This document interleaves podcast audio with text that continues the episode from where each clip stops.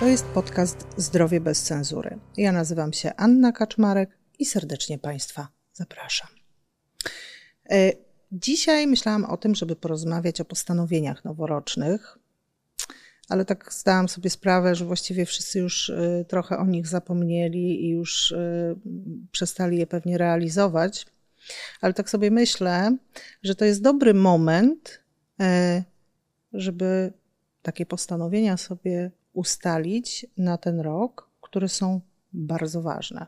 To znaczy, warto pomyśleć o tym, żeby w końcu zabezpieczyć się przed chorobami infekcyjnymi, przed którymi możemy się zabezpieczyć. I to, proszę Państwa, nie myślmy tylko o sobie, pomyślmy o całej rodzinie. Dlatego dzisiaj moim i Państwa gościem jest pani doktor e, nauk medycznych Ilona Małecka, pediatrka, z Katedry i Zakładu Profilaktyki Zdrowotnej Uniwersytetu Medycznego w Poznaniu, oddziału obserwacyjno-zakaźnego Szpitala Świętego Józefa w Poznaniu, członkini zarządu Polskiego Towarzystwa Wakcynologii. Pani doktor prowadzi też bardzo ciekawy, bardzo fajny profil e, na Instagramie, gdzie oczywiście zapraszamy. Dzień dobry, witam Panią i witam Państwa. Pani doktor, no to właściwie patrząc na ten sezon infekcyjny, przed czym możemy się zabezpieczyć? Bo ja rozumiem, że nie da się tak zrobić, żebyśmy na nic nie chorowali. No niestety nie da się, bo nie mamy szczepień przeciwko wszystkim drobnoustrojom. No to, by było, to by było chyba zbyt piękne, ale też jest y, naukowo trudne. E, w ogóle bardzo mi się podoba ten pomysł wpisania szczepień ochronnych e, do postanowień noworocznych, dlatego że pozwala nam o nich pamiętać, po pierwsze, a po mhm. drugie, w mojej ocenie pozycjonuje szczepienie jako coś pozytywnego, a do tego chyba powinniśmy się przyzwyczaić, że to jest naprawdę coś, co możemy zrobić dla siebie, dla swoich bliskich, dobrego, tak jak robimy bardzo dużo różnych rzeczy, mm, żeby poprawić swoje bezpieczeństwo, czy stan swojego zdrowia, zrobić badania profilaktyczne, nie wiem, kupić dobry fotelik samochodowy za testami itd., tak itd. Tak e, więc myśląc o sezonie jesienno-zimowym, który zawsze jest trudny, a w tym roku jest chyba trudny szczególnie bo ciągle jesteśmy jeszcze w takim okresie popandemicznym, e, trochę dziwnym, gdzie nam się miesza COVID z innymi zakażeniami e, dróg oddechowych, które trochę przez działania e, podjęte w czasie pandemii były wycofane i przytłumione. I teraz mamy wrażenie, że one tak naprawdę dały o sobie znać, no chociaż zobaczmy chociażby na statystyki grypy, prawda? Mm, nie mieliśmy mhm. już przez kilka ubiegłych sezonów, ja nawet nie mówię o pandemii, ale o latach przedpandemicznych, takiej liczby zachorowań na grypę jak e, w tym sezonie. No i przypomnę tylko, że połowa tych zachorowań to są małe dzieci, to są dzieci do czwartego roku życia. Więc e, wiele możemy zrobić. I takie szczepienia, o których powinniśmy pamiętać właśnie, jak się zbliża sezon jesienno-zimowy, bo ja oczywiście pomijam już w tej chwili mm -hmm. szczepienia obowiązkowe, prawda, które no tak. wykonujemy kalendarz tak, jest dokładnie, prawda? Zbliża tak. się jakiś wiek, więc rodzic udaje się do poradni i e, dziecko ma wykonane szczepienia, które w tym wieku po prostu zakłada ten program szczepień. Ale wracając do tego sezonu jesienno-zimowego, na pewno takim sztandarowym szczepieniem jest szczepienie przeciwko grypie, e, które możemy wykonać już u dziecka powyżej szóstego miesiąca życia, no i jak wiemy, nie ma górnej granicy wieku. A wręcz jak zbliżamy się do tej górnej granicy wieku, to o mhm. tym szczepieniu powinniśmy pomyśleć w sposób szczególny ponieważ kto jest tak naprawdę najbardziej narażony na ciężki przebieg grypy? No właśnie te maluchy, ale potem nasi dziadkowie, e, nasi seniorzy. No i oczywiście wszyscy ci, którzy mają dodatkowe schorzenia. Myślę, że COVID już nas tego nauczył, prawda? Że mhm. infekcje, zwłaszcza infekcje dróg oddechowych, e, szczególnie ciężko przebiegają u tych pacjentów, którzy chorują na rozmaite choroby, czy to układu oddechowego, czy układu krążenia, czy cukrzycę, prawda? Tam ten przebieg tych infekcji jest ciężki. Więc na pewno szczepienie przeciwko grypie. No właśnie, być, i, tu się, y, i tu się zatrzymajmy przez chwilę. Y, pani doktor, no więc tak, tylko wszyscy sobie myślą, no dobra, no tydzień czasu, ta wysoka temperatura, no i jakoś tam się to przeżyje. No i teraz tak, ale znowu, y, no dobrze, powikłania. Oj, tam powikłania, cóż to mogą być za powikłania? No, no właśnie, cóż to mogą być za powikłania po grypie? Znaczy, w ogóle zaczęłabym od tego, że grypa y, bardzo często błędnie postrzegana jest przez y, nas jako kolejne przeziębienie. Taka po prostu no choroba przeziębieniowa. No najwyżej tam parę dni, prawda, y, tak. będę gorączkował, trochę mnie tam poskłada, zostanę w domu. Nie, ona naprawdę się różni i mam tutaj takie swoje doświadczenie z pracy lekarskiej większość pacjentów, którzy przechorowali grypę, e, e, kończy naszą, że tak powiem, znajomość w tym aspekcie takim stwierdzeniem, naprawdę to była zupełnie inna infekcja niż te, które do tej pory, że, że naprawdę choruje się inaczej, choruje się ciężko, ze złym samopoczuciem, z bardzo wysoką gorączką. No i to, co grypę właśnie różni od innych mhm. tych tak zwanych chorób przeziębieniowych, no to są wspomniane przez panią powikłania. I one mogą być bardzo różne, bardzo mogą dotyczyć układu oddechowego na przykład, prawda? Może to być bardzo ciężkie w przebiegu bakteryjne zapalenie płuc, ponieważ wirus grypy niezwykle uwielbia przyjaźnić się z bakteriami, które tylko czekają, żeby wirus grypy skończył swoje, a one e, zaczynają potem swoje. I pacjent właściwie wydaje się, że wychodzi z infekcji, a niestety zaczyna ponownie bardzo źle się czuć i gorączkuje i, i dochodzi naprawdę do ciężkich e, w przebiegu pneumonii. Takich pneumonii mieliśmy w tym roku, e, mówię tutaj przez pryzmat mhm. swojej pracy na oddziale pediatrycznym, naprawdę, e, naprawdę sporo.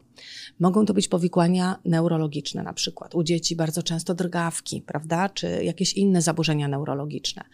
No i pamiętajmy, że w kategorii powikłań powinniśmy też myśleć o destabilizacji, ja to tak mądrze nazwę, a tak naprawdę mhm. chodzi o pogorszenie przebiegu tych chorób podstawowych, na które chorujemy. Czyli na przykład, e, my już dzisiaj wiemy, że w sezonie, kiedy jest bardzo dużo grypy, Wzrasta częstość na przykład incydentów wieńcowych, czyli zawałów mięśnia sercowego. Wzrasta częstość udarów mózgu, ponieważ e, e, na przykład e, destabilizują się pacjenci prowadzeni z powodu cukrzycy. Nagle nie można wyrównać poziomu glikemii z mhm. jakiegoś powodu.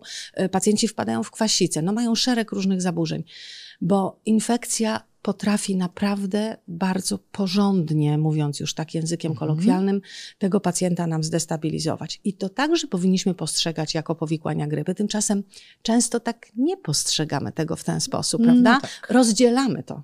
Cóż ma zawał do grypy? No okazuje się, że jak popatrzy się na statystyki, jak popatrzy się na dane, to okazuje się, że ma. No bo gdyby nie było tego związku, to nie byłoby wzrostu incydentów. Praktycznie te krzywe, jak się patrzy na wykres częstości grypy i częstości tych incydentów, to one te piki się pokrywają. Więc tutaj o tym także pamiętajmy. I to znowu się przekłada na to w takim razie, kto powinien szczególnie myśleć o tej no profilaktyce. No właśnie, właśnie ci, którzy y, po pierwsze na coś chorują, albo są bardzo mali, czyli mówimy tutaj o malutkich dzieciach, no takich, właśnie, takich dzieciach do drugiego roku jeszcze. życia właśnie. Mhm. No i siłą rzeczy nasi seniorzy, którzy raz, że mają wiek, predysponujący do ciężkich zakażeń, no a poza tym mają tą wielochorobowość, prawda? No rzadko spotykamy. Czyli im się może po prostu pogorszyć. Dokładnie, zdecydowanie zakażeniu. tak, prawda? Mhm. Na przykład może być tak, że e, pacjent, który do tej pory w wieku podeszłym całkiem e, sprawnie sobie radził w swoim środowisku domowym. Grypa kładzie go do łóżka i niestety ten pacjent już zwykle nie wstaje z tego łóżka. E, nie jest już w stanie funkcjonować tak, jak funkcjonował e, przed zachorowaniem, mhm. wymaga opieki bliskich, no zupełnie czasami przestrojenia aktywności rodziny. O tym także musimy, e, musimy pamiętać. No, no dobrze, a czy są, szczególnie tutaj pytam o dzieci, bo zawsze mhm. rodzice drżą, tutaj niestety trochę winę ponoszą ruchy antyszczepionkowe. Czy są, e, jeśli chodzi o szczepienia przeciwko grypie, jakieś e, przeciwwskazania w tej e, grupie pediatrycznej? Czy mhm. kogoś nie powinniśmy szczepić? Znaczy, szczepienie przeciwko grypie w sensie wskazań, przeciwwskazań mhm. czy kwalifikacji nie różni się od niczym, niczym innym od innych szczepień. Ten proces mhm. kwalifikacji wygląda dokładnie w przypadku Trzeba dzieci. Być zdrowy. Tak, no. dokładnie w przypadku dzieci wygląda tak samo. I w związku z tym te zasady również się nie zmieniają. Trwałym przeciwwskazaniem jest na pewno reakcja anafilaktyczna w wywiadzie na poprzednią dawkę szczepionki. Czyli na przykład, jeżeli ktoś w zeszłym roku szczepił się przeciwko grypie i miał po niej wstrząs anafilaktyczny, ja przypomnę, to jest taka bardzo nasilona, gwałtowna reakcja alergiczna, mhm. Mm, no to już y, jest to przeciwwskazanie do podania kolejnej dawki. Albo na przykład, jeżeli miał wstrząs anafilaktyczny na składniki szczepionki, czyli taka osoba, która się zgłasza, no to y, i na przykład mhm. podaje, że miała wstrząs anafilaktyczny, musimy ją dokładnie wypłacić pytać, a czy jest y, ustalone na co, sprawdzić sobie, czy taki składnik mhm. zawiera się w składniku szczepionki e, i wtedy faktycznie jest to przeciwwskazaniem. Natomiast e, są jeszcze takie czasowe przeciwwskazania, mhm. chociażby wspomniana przez Panią infekcja, prawda? Jeżeli, jeżeli chorujemy na coś, mamy wysoką gorączkę, źle się czujemy, to to jest okres do tego, żeby nie szczepić. Ustępują objawy i możemy się na szczepienie umówić. I tutaj a propos tych składników i uczuleń, dość często mm, rodzice pytają, czy dzieci, które są uczulone na Jajo. Tak, białko jaja kurzego. Tak, tak, tak. Mm -hmm, tak. Mm -hmm. Czy można je szczepić przeciwko grypie? I tutaj mm -hmm. pediatrzy czasami mają mm pewne wątpliwości. Mhm. No, wiadomo, że jest to szczepienie dodatkowe i mhm. e, trudno się zgłosić do oddziału pediatrycznego i prosić o zaszczepienie w szpitalu, tak? No, jak tutaj wygląda sytuacja? Znaczy tutaj faktycznie, jeżeli mamy wywiad wskazujący na wstrząs anafilaktyczny po spożyciu Czyli ciężkie jajka, reakcje. Tak, to jest ciężka reakcja zagrażająca życiu życiu.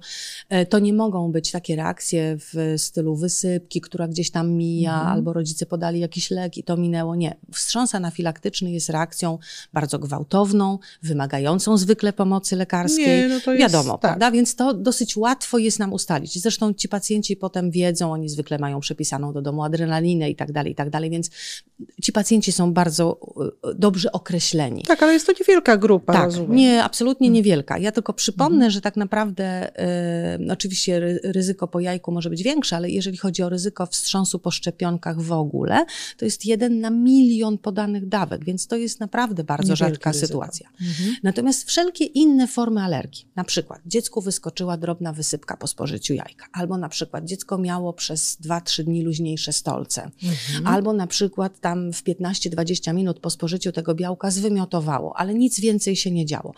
To to są objawy, y, które mogą świadczyć o alergii, ale one nie są przeciwwskazaniem do szczepienia. Rozumiem. Mogą być co najwyżej, i to warte podkreślić, y, wskazaniem do tego, żeby y, lekarz poprosił rodziców o troszkę dłuższy czas pozostania w poradni. Bo standardowo każdy z nas powinien przez 15 minut, nie musi mhm. być siedzenie w poradni, możemy sobie gdzieś tam wyjść na zewnątrz, jak jest ładna pogoda, ale być blisko. To w przypadku takich dzieci czy pacjentów alergicznych, czasami ten okres może być na przykład pół godziny. I wtedy faktycznie warto e, się do tego stosować, no bo gdyby cokolwiek, nawet jeżeli by to wyszła wysypka, prawda? Mhm. Lekarz jest pod ręką, może dziecko ocenić e, i, i jesteśmy wtedy bezpieczniejsi. Więc to jest jedyna taka rzecz, która różni tych pacjentów. E, dobrze, no więc grypa. Ale dalej mamy cały czas y, niezamkniętą, bo umówmy się, cały mm -hmm. czas to jest kwestie y, COVID-19. Mm -hmm. I tutaj już y, trochę wypadliśmy z tych różnych schematów, już y, nie wiemy trochę, jak mamy się szczepić, czy mamy się szczepić, tak? Mm -hmm. Kogo mamy szczepić, mhm. kto może I, i, jak to wygląda właśnie jeśli chodzi o, o COVID-19, jak powinniśmy się tutaj zabezpieczać? Mhm.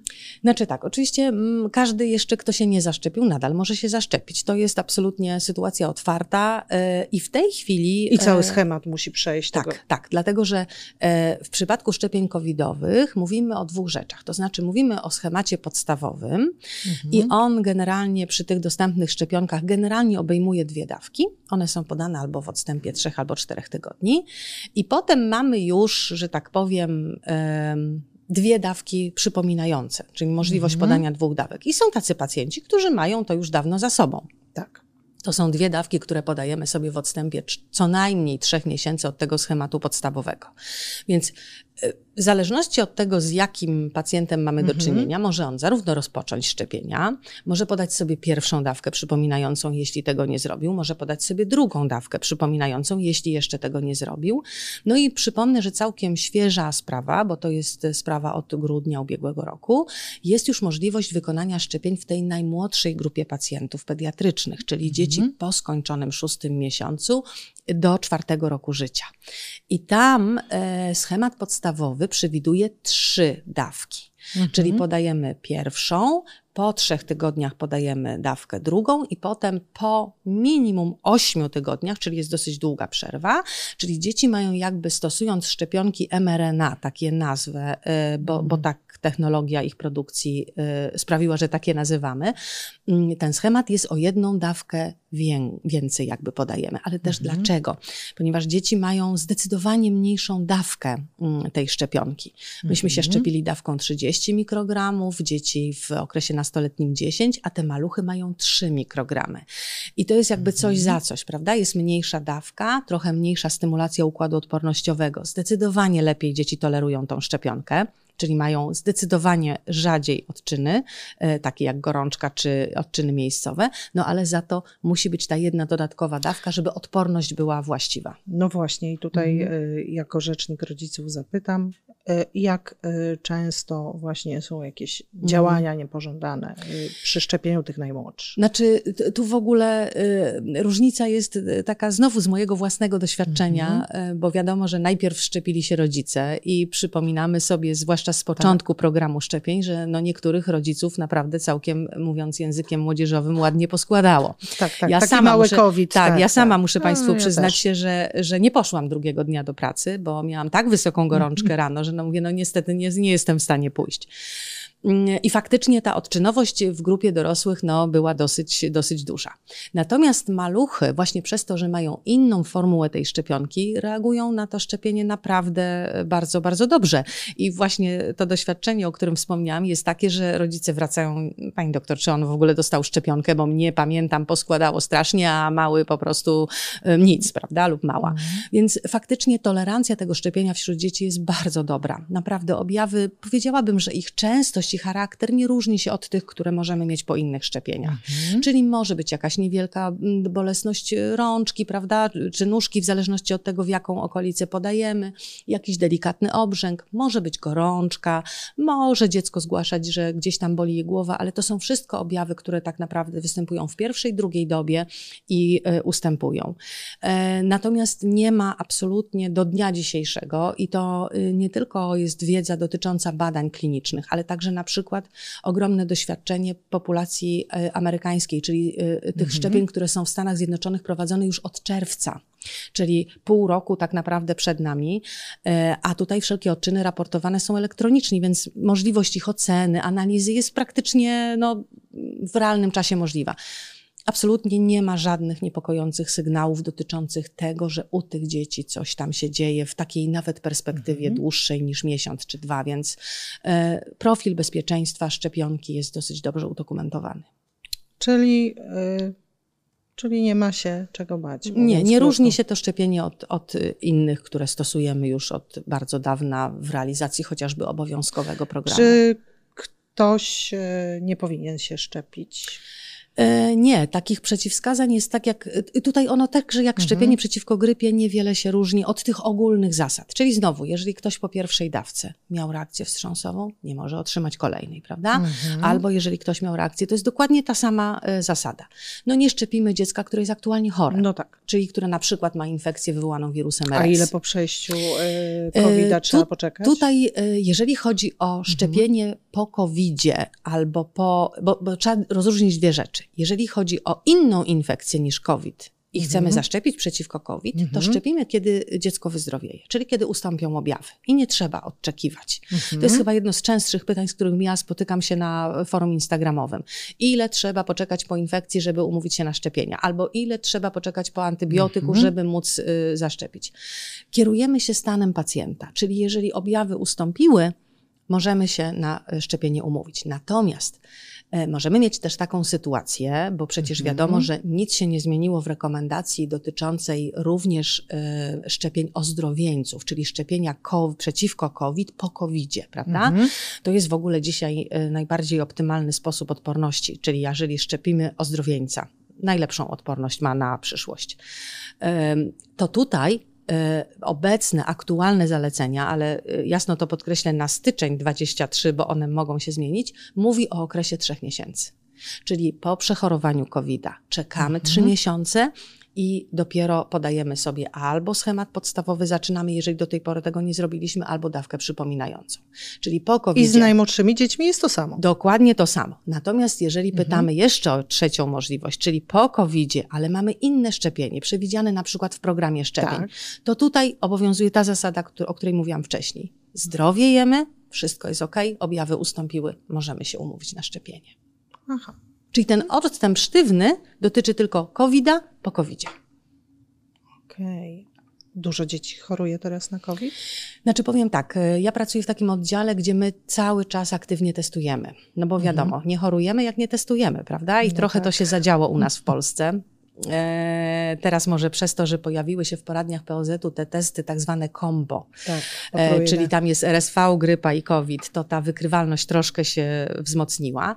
E, COVID jest obok nas cały czas i my cały czas hospitalizując pacjentów i diagnozując ich aktywnie, no bo faktycznie jeżeli trafia na oddział do szpitala dziecko mhm. gorączkujące, to my chcemy wiedzieć, co mu jest.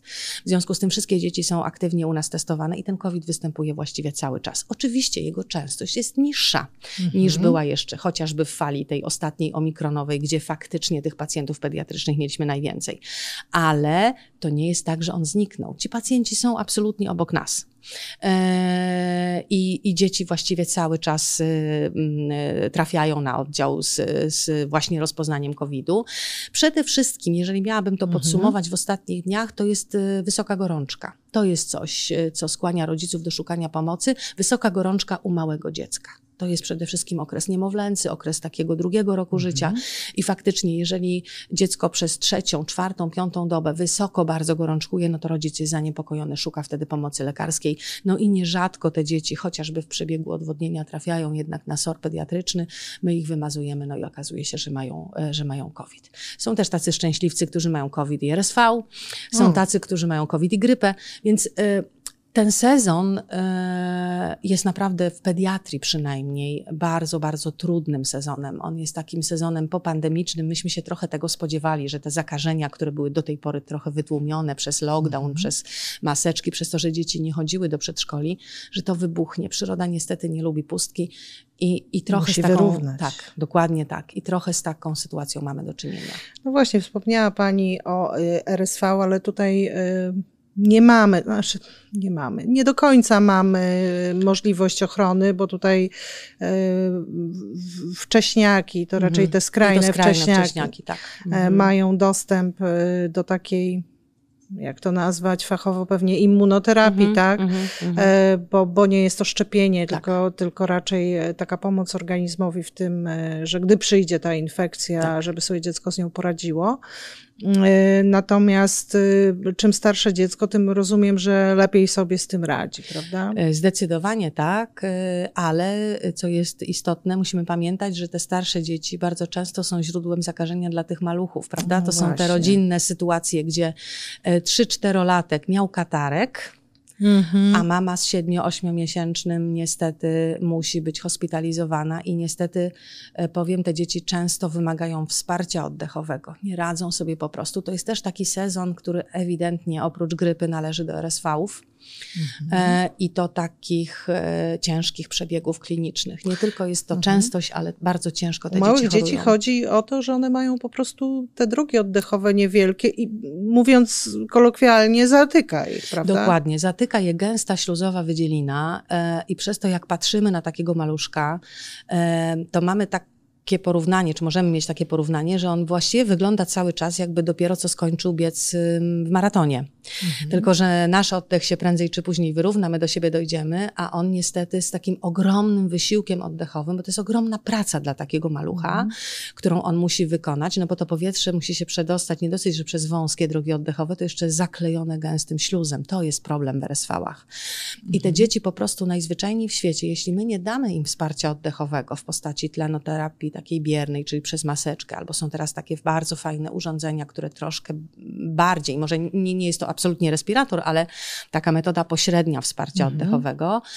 E, I e, one sobie wtedy trochę po prostu mogą odpocząć, bo taki mały człowiek, on się po prostu w pewnym momencie najzwyczajniej zmęczy. Nam to no trudno tak. sobie wyobrazić, ale że oddychanie może być problemem ale okazuje się, że, że jest. I na tym polega tak naprawdę niebezpieczeństwo zakażeń RSV u małych dzieci. No i mamy jeszcze jeden problem. E, mhm. I on akurat dzieci chyba dotyczy najmniej, bo już y, od paru lat chyba mhm. mamy w kalendarzu szczepień obowiązkowych e, szczepienie przeciwko pneumokokom. E, natomiast y, no my, ja, pani mhm. doktor, mhm nasi rodzice tak, oczywiście. nie mieli tego w kalendarzu tak, e, i, i generalnie rzecz biorąc e, to właśnie my możemy być e, narażeni na różne historie związane z tym zakażeniem. Ale właściwie czego tam się bać? Cóż to takiego są te zakażenia pneumokokowe? No, zakażenia pneumokokowe to jest w ogóle bakteria. Wyjaśnijmy też naszym widzosłuchaczom. Tak, tak, nie jest to wirus. I to jest taka bakteria, która również może wyrządzić wiele szkody. Mm, ona jest oczywiście groźna dla małych dzieci również, ale tak jak e, słusznie zauważyliśmy, One mają w kalendarzu. Od tak. 2017 roku, czyli tak naprawdę dorosły sobie dzieci do piątego roku życia, czyli wtedy, kiedy faktycznie kończy nam się ten okres takiego mm, wyczulenia. I oprócz oczywiście zakażeń układu oddechowego, które dominują u dorosłych i o których pewnie za chwilę powiemy, mm -hmm. to u małych dzieci e, to były przede wszystkim ciężkie zakażenia w postaci sepsy, albo zapalenia opon mózgowo-rdzeniowych. To jest e, duży problem w tej takiej małej pediatrii, prawda? Mhm. I tak naprawdę e, to były oczekiwania wobec szczepień, e, jak one zostały wprowadzone, żeby wyeliminować te, te ciężkie powikłania. Sepsę Dokładnie. I tak. zapalenie opon. Mhm. Ale, tak jak już powiedzieliśmy sobie, mówiąc o grypie, to właśnie ta współpraca grypy, wirusa z pneumokokiem to jest naprawdę genialny przykład. Oni się uwielbiają. Pneumokok tylko czeka, żeby grypa grypa nagmerała w drogach oddechowych, mhm. a on dokończy. No i właśnie najcięższe powikłania w postaci zapaleń płuc to są pneumokokowe, pogrypowe zapalenia płuc. I one mogą wystąpić w każdym wieku także u bardzo zdrowego, wysportowanego y, człowieka, który, e, mhm. który dba o siebie i, i, który do tej pory trenował y, prawie codziennie, tak. a po takim zapaleniu właściwie ma kondycję 80-letniego y, staruszka. Więc o tym musimy pamiętać i faktycznie Druga taka grupa docelowa tych zakażeń pneumokokowych to są znowu nasi seniorzy, trochę podobnie jak w grypie, mhm. prawda? E, I trzecia y, grupa to są znowu wszyscy ci z nas, którzy mają dodatkowe schorzenia, głównie układu oddechowego, na przykład POHP, przewlekła obturacyjna mhm. choroba płucna, albo astmatycy, albo palacze papierosów, prawda? Mhm. E, można powiedzieć, y, y, nie, nie, nie, nie choroba, chorzy, ale... ale niestety nauk prowadzi ich do tego typu schorzeń. E, to są pacjenci nowotworowi, tak? E, mhm. Musimy o nich pamiętać. Też zapomnieliśmy o nich w perspektywie grypy, ale to jest bardzo ważne, zwłaszcza jeżeli e, rozpoznajemy ten nowotwór w okresie grypowym, prawda? I będziemy za chwilę stosowali chemioterapię, radioterapię, coś, co upośledza pacjenta tak dokładnie. Tak no to mhm. nie możemy zostawić go bezbronnego na działanie wirusa grypy, tym bardziej, że on w sposób no, taki niezależny od siebie będzie się pojawiał w placówkach medycznych, prawda? Rozumiem, Gdzie... że to samo będzie w kwestii COVID-19 jeśli zdecydowanie, chodzi o Zdecydowanie i pneumokoków również. Zresztą y, y, y, no, jest już krok i światełko w tunelu, jeżeli chodzi o choroby nowotworowe, chociażby mówię tutaj o procesie refundacji, czyli ci pacjenci mają refundowaną szczepionkę skoniugowaną przeciwko pneumokokom, czyli to mhm. też świadczy o tym, że, że zasad, dokładnie tak, prawda? Nie byłoby refundacji, gdyby nie było silnych naukowych dowodów, że ci mhm. pacjenci potrzebują tej szczepionki. E, no bo y, nie możemy jakby mając tak skuteczne narzędzia pozwolić pacjentowi, który walczy, nie wiem, z nowotworem płuca, y, umrzeć w przebiegu grypy. A tymczasem onkolodzy mówią jasno, że większość ich pacjentów wcale nie umiera z powodu choroby nowotworowej. Problemem są zakażenia, prawda? Więc jeżeli mhm. możemy czemuś zapobiegać, to, to należy to, to, zrobić. Dokładnie, w taki sposób no, prosty, prawda? Więc pneumokoki też, tu w tym aspekcie absolutnie też. Dobrze, czyli pneumokoki to oczywiście osoby, które są na coś chore, mhm, szczególnie mm -hmm. jeśli mm -hmm. chodzi o układ oddechowy. Tak, zdecydowanie. Palacze, Ale krążenia też, absolutnie. Cukrzyca tak. to jest absolutnie. Tu proszę zobaczyć, że tak mm -hmm. naprawdę COVID, grypa i pneumokoki mają wiele wspólnego, prawda? Jeżeli pomyślimy o tej grupie pacjentów docelowych, no bo te schorzenia przewlekłe, one są takie same. Lubią nie? tych samych ludzi. Dokładnie tak. Niestety. E, proszę Państwa, ale my ich nie lubimy. Nie, nie my walczymy. E, Zdarzają się Pani tacy pacjenci, którzy mają szczepienie przeciwko grypie, przeciwko COVID-19 i przeciwko pneumokokom, którzy przychodzą do Pani ciężko chorzy? E, jeżeli są zaszczepieni, to jest to bardzo rzadko e, bo oczywiście zgodzę się, szczepionka przeciwko grypie nie ma stuprocentowej skuteczności, szczepionka mhm. przeciwko COVID również nie ma stuprocentowej skuteczności, mhm. ale dane pokazują, że jeżeli chodzi o skuteczność w profilaktyce ciężkich przebiegów tych chorób, mhm. zgonów, to one są naprawdę na y, bardzo dobrym poziomie.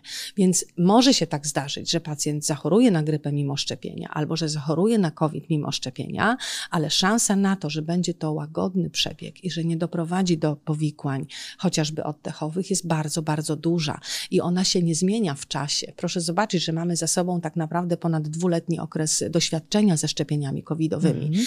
I nadal wszyscy potwierdzają to, że upływ tego czasu, podanie kolejnych dawek przypominających trzyma tą odporność wobec ciężkich postaci i powikłań i zgonów e, na bardzo wysokim poziomie. My już nie pamiętamy, jak wyglądał początek pandemii, prawda? Jak wyglądały doświadczenia Włochów. No w ogóle dramatyczne. Mm, nawet u nas te karetki stojące Dokładnie, pod sorami, pod tak. sorami i nie mogące zostawić pacjenta, bo nie było dla nich miejsca i, no, i liczba zgonów przede wszystkim pacjentów tak, z tego powodu. Ciężko. Dokładnie tak. tak. Więc tu e, warto pamiętać, nie zawsze w szczepionce może nam chodzić o to, żebyśmy nie chorowali w ogóle. Już czymś, co jest efektem, y, który warto docenić, jest to, że będziemy chorowali lekko, prawda? No to, tak, to, żyć, a nie żyć. No to jest no, różnica, prawda? Albo mieć powikłania, a nie mieć, to zdecydowanie wolę to drugie. Dobrze, czyli jak jesteśmy dorośli, to tak, grypa, mhm. COVID, pneumokoki. Mhm. Jeśli chodzi o nasze dzieci, o pneumokokach to będą pamiętali nasi mhm. pediatrzy tak, i nasze przychodnie e, pediatryczne. Natomiast, e, natomiast grypa i COVID to są szczepienia zalecane. Oczywiście grypa jest szczepieniem odpłatnym, ale wszystkie dzieci, e, czyli pacjenci do 18 mm. roku życia, e, mają 50% refundację wszystkich dostępnych szczepionek mm. przeciwko grypie, czyli potrzebujemy receptę i rodzic ponosi koszt połowy. To też mm. proszę zobaczyć, znowu podkreśla zasadność e, szczepień.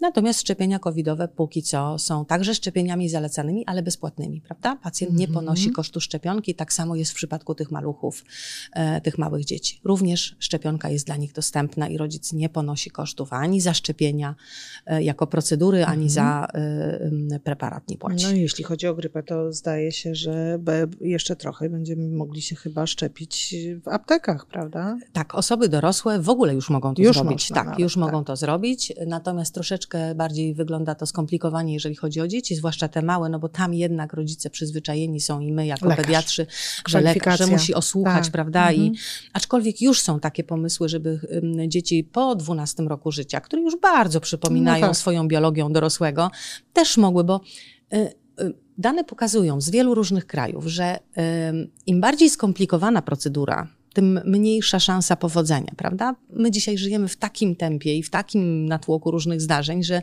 e, jeżeli mamy coś iść w jedno miejsce, w drugie, w trzecie, prawda, no to -hmm. pewnie na tym pierwszym no i, się no skończy. no i tak dlatego myślę, że bo statystyki dotyczące -hmm. szczepienia przeciw grypie są no, dramatyczne. No, nie boję się użyć tego słowa. No więc mm -hmm. i czasami mam wrażenie, że, że, że wielu, wiele z nas po prostu olewa to szczepienie. Mm-hmm. Nie chce nam się mm-hmm. pójść za tym, pójść do tego lekarza, pójść wykupić mm-hmm. szczepionkę, Zgadzam się. pójść znowu. Y, umówić się. Tak, mhm. tak, a umówić się do mhm. pediatry. Tak. Co będę pani tak, mówić, pani ale doktor? absolutnie, zwłaszcza w sezonie infekcyjnym. A tak, to już w ogóle... No to i tak to trochę wychodzi. No, no ale właśnie, y, a propos naszych postanowień na ten rok. No to co, jeśli nie mam powiedzmy tych wszystkich szczepień, to teraz mam się na nie umówić, czy grypa to już za późno, nie wiem, COVID to kiedyś, eee, jak nie, to zrobić? Znaczy myślę tak, że jeżeli, jeżeli chodzi o COVID, to w dalszym ciągu jest to sprawa aktualna i tak naprawdę trudno nam przewidzieć, jak się Dzwonimy potoczą. i się umawiamy. Tak, zdecydowanie. Tutaj absolutnie. Albo szczepienie podstawowe, jeżeli jeszcze go nie mieliśmy, albo jeżeli zalegamy mm. z którąś z dawek przypominających, spokojnie możemy się y, na szczepienie umówić. E, co do pneumokoków tutaj również, prawda? Nie ma sezonu e, e, jakby występowania. Oczywiście, że ryzyko tego, że zachorujemy na powikłania oddechowe jest większy w sezonie takim jesienno-zimowym, mhm. ale całorocznie możemy o tym pomyśleć. Natomiast grypa, mm, myślę, że taki, na, tak naprawdę sezon grypowy jest od września do kwietnia. Mhm. I grypa zwykle występuje w takich dwóch rzutach, to znaczy listopad, grudzień i potem jeszcze luty, marzec, Pamiętam, że w ostatnich sezonach mieliśmy grypy nawet w kwietniu, a nawet na początku maja. Hmm. Więc jeżeli ktoś tego nie zrobił do tej pory, to jeszcze nie jest za późno. Warto o tym szczepieniu pomyśleć. Jeszcze może mieć z niego mm, korzyść. Dokładnie tak. I tak jak w przypadku osób dorosłych, y, no niestety musimy mieć receptę. To jest y, też taki mankament, o mm. którym się mówi głośno dzisiaj, ale generalnie mając tą receptę, idąc do apteki, to już może być ten ostatni punkt, y, który odwiedzamy, bo faktycznie w przypadku osób dorosłych można w niektórych aptekach można się zaszczepić. Dzieci muszą do lekarza, niestety. Proszę Państwa, załatwmy to po prostu. Po co mamy się męczyć, chorować, narażać się na powikłania? Zadbajmy o nasze dzieci. I po prostu zwyczajnie warto być zdrowym. Dziękuję pięknie Pani doktor. Dziękuję i życzę oczywiście wszystkim dużo zdrowia.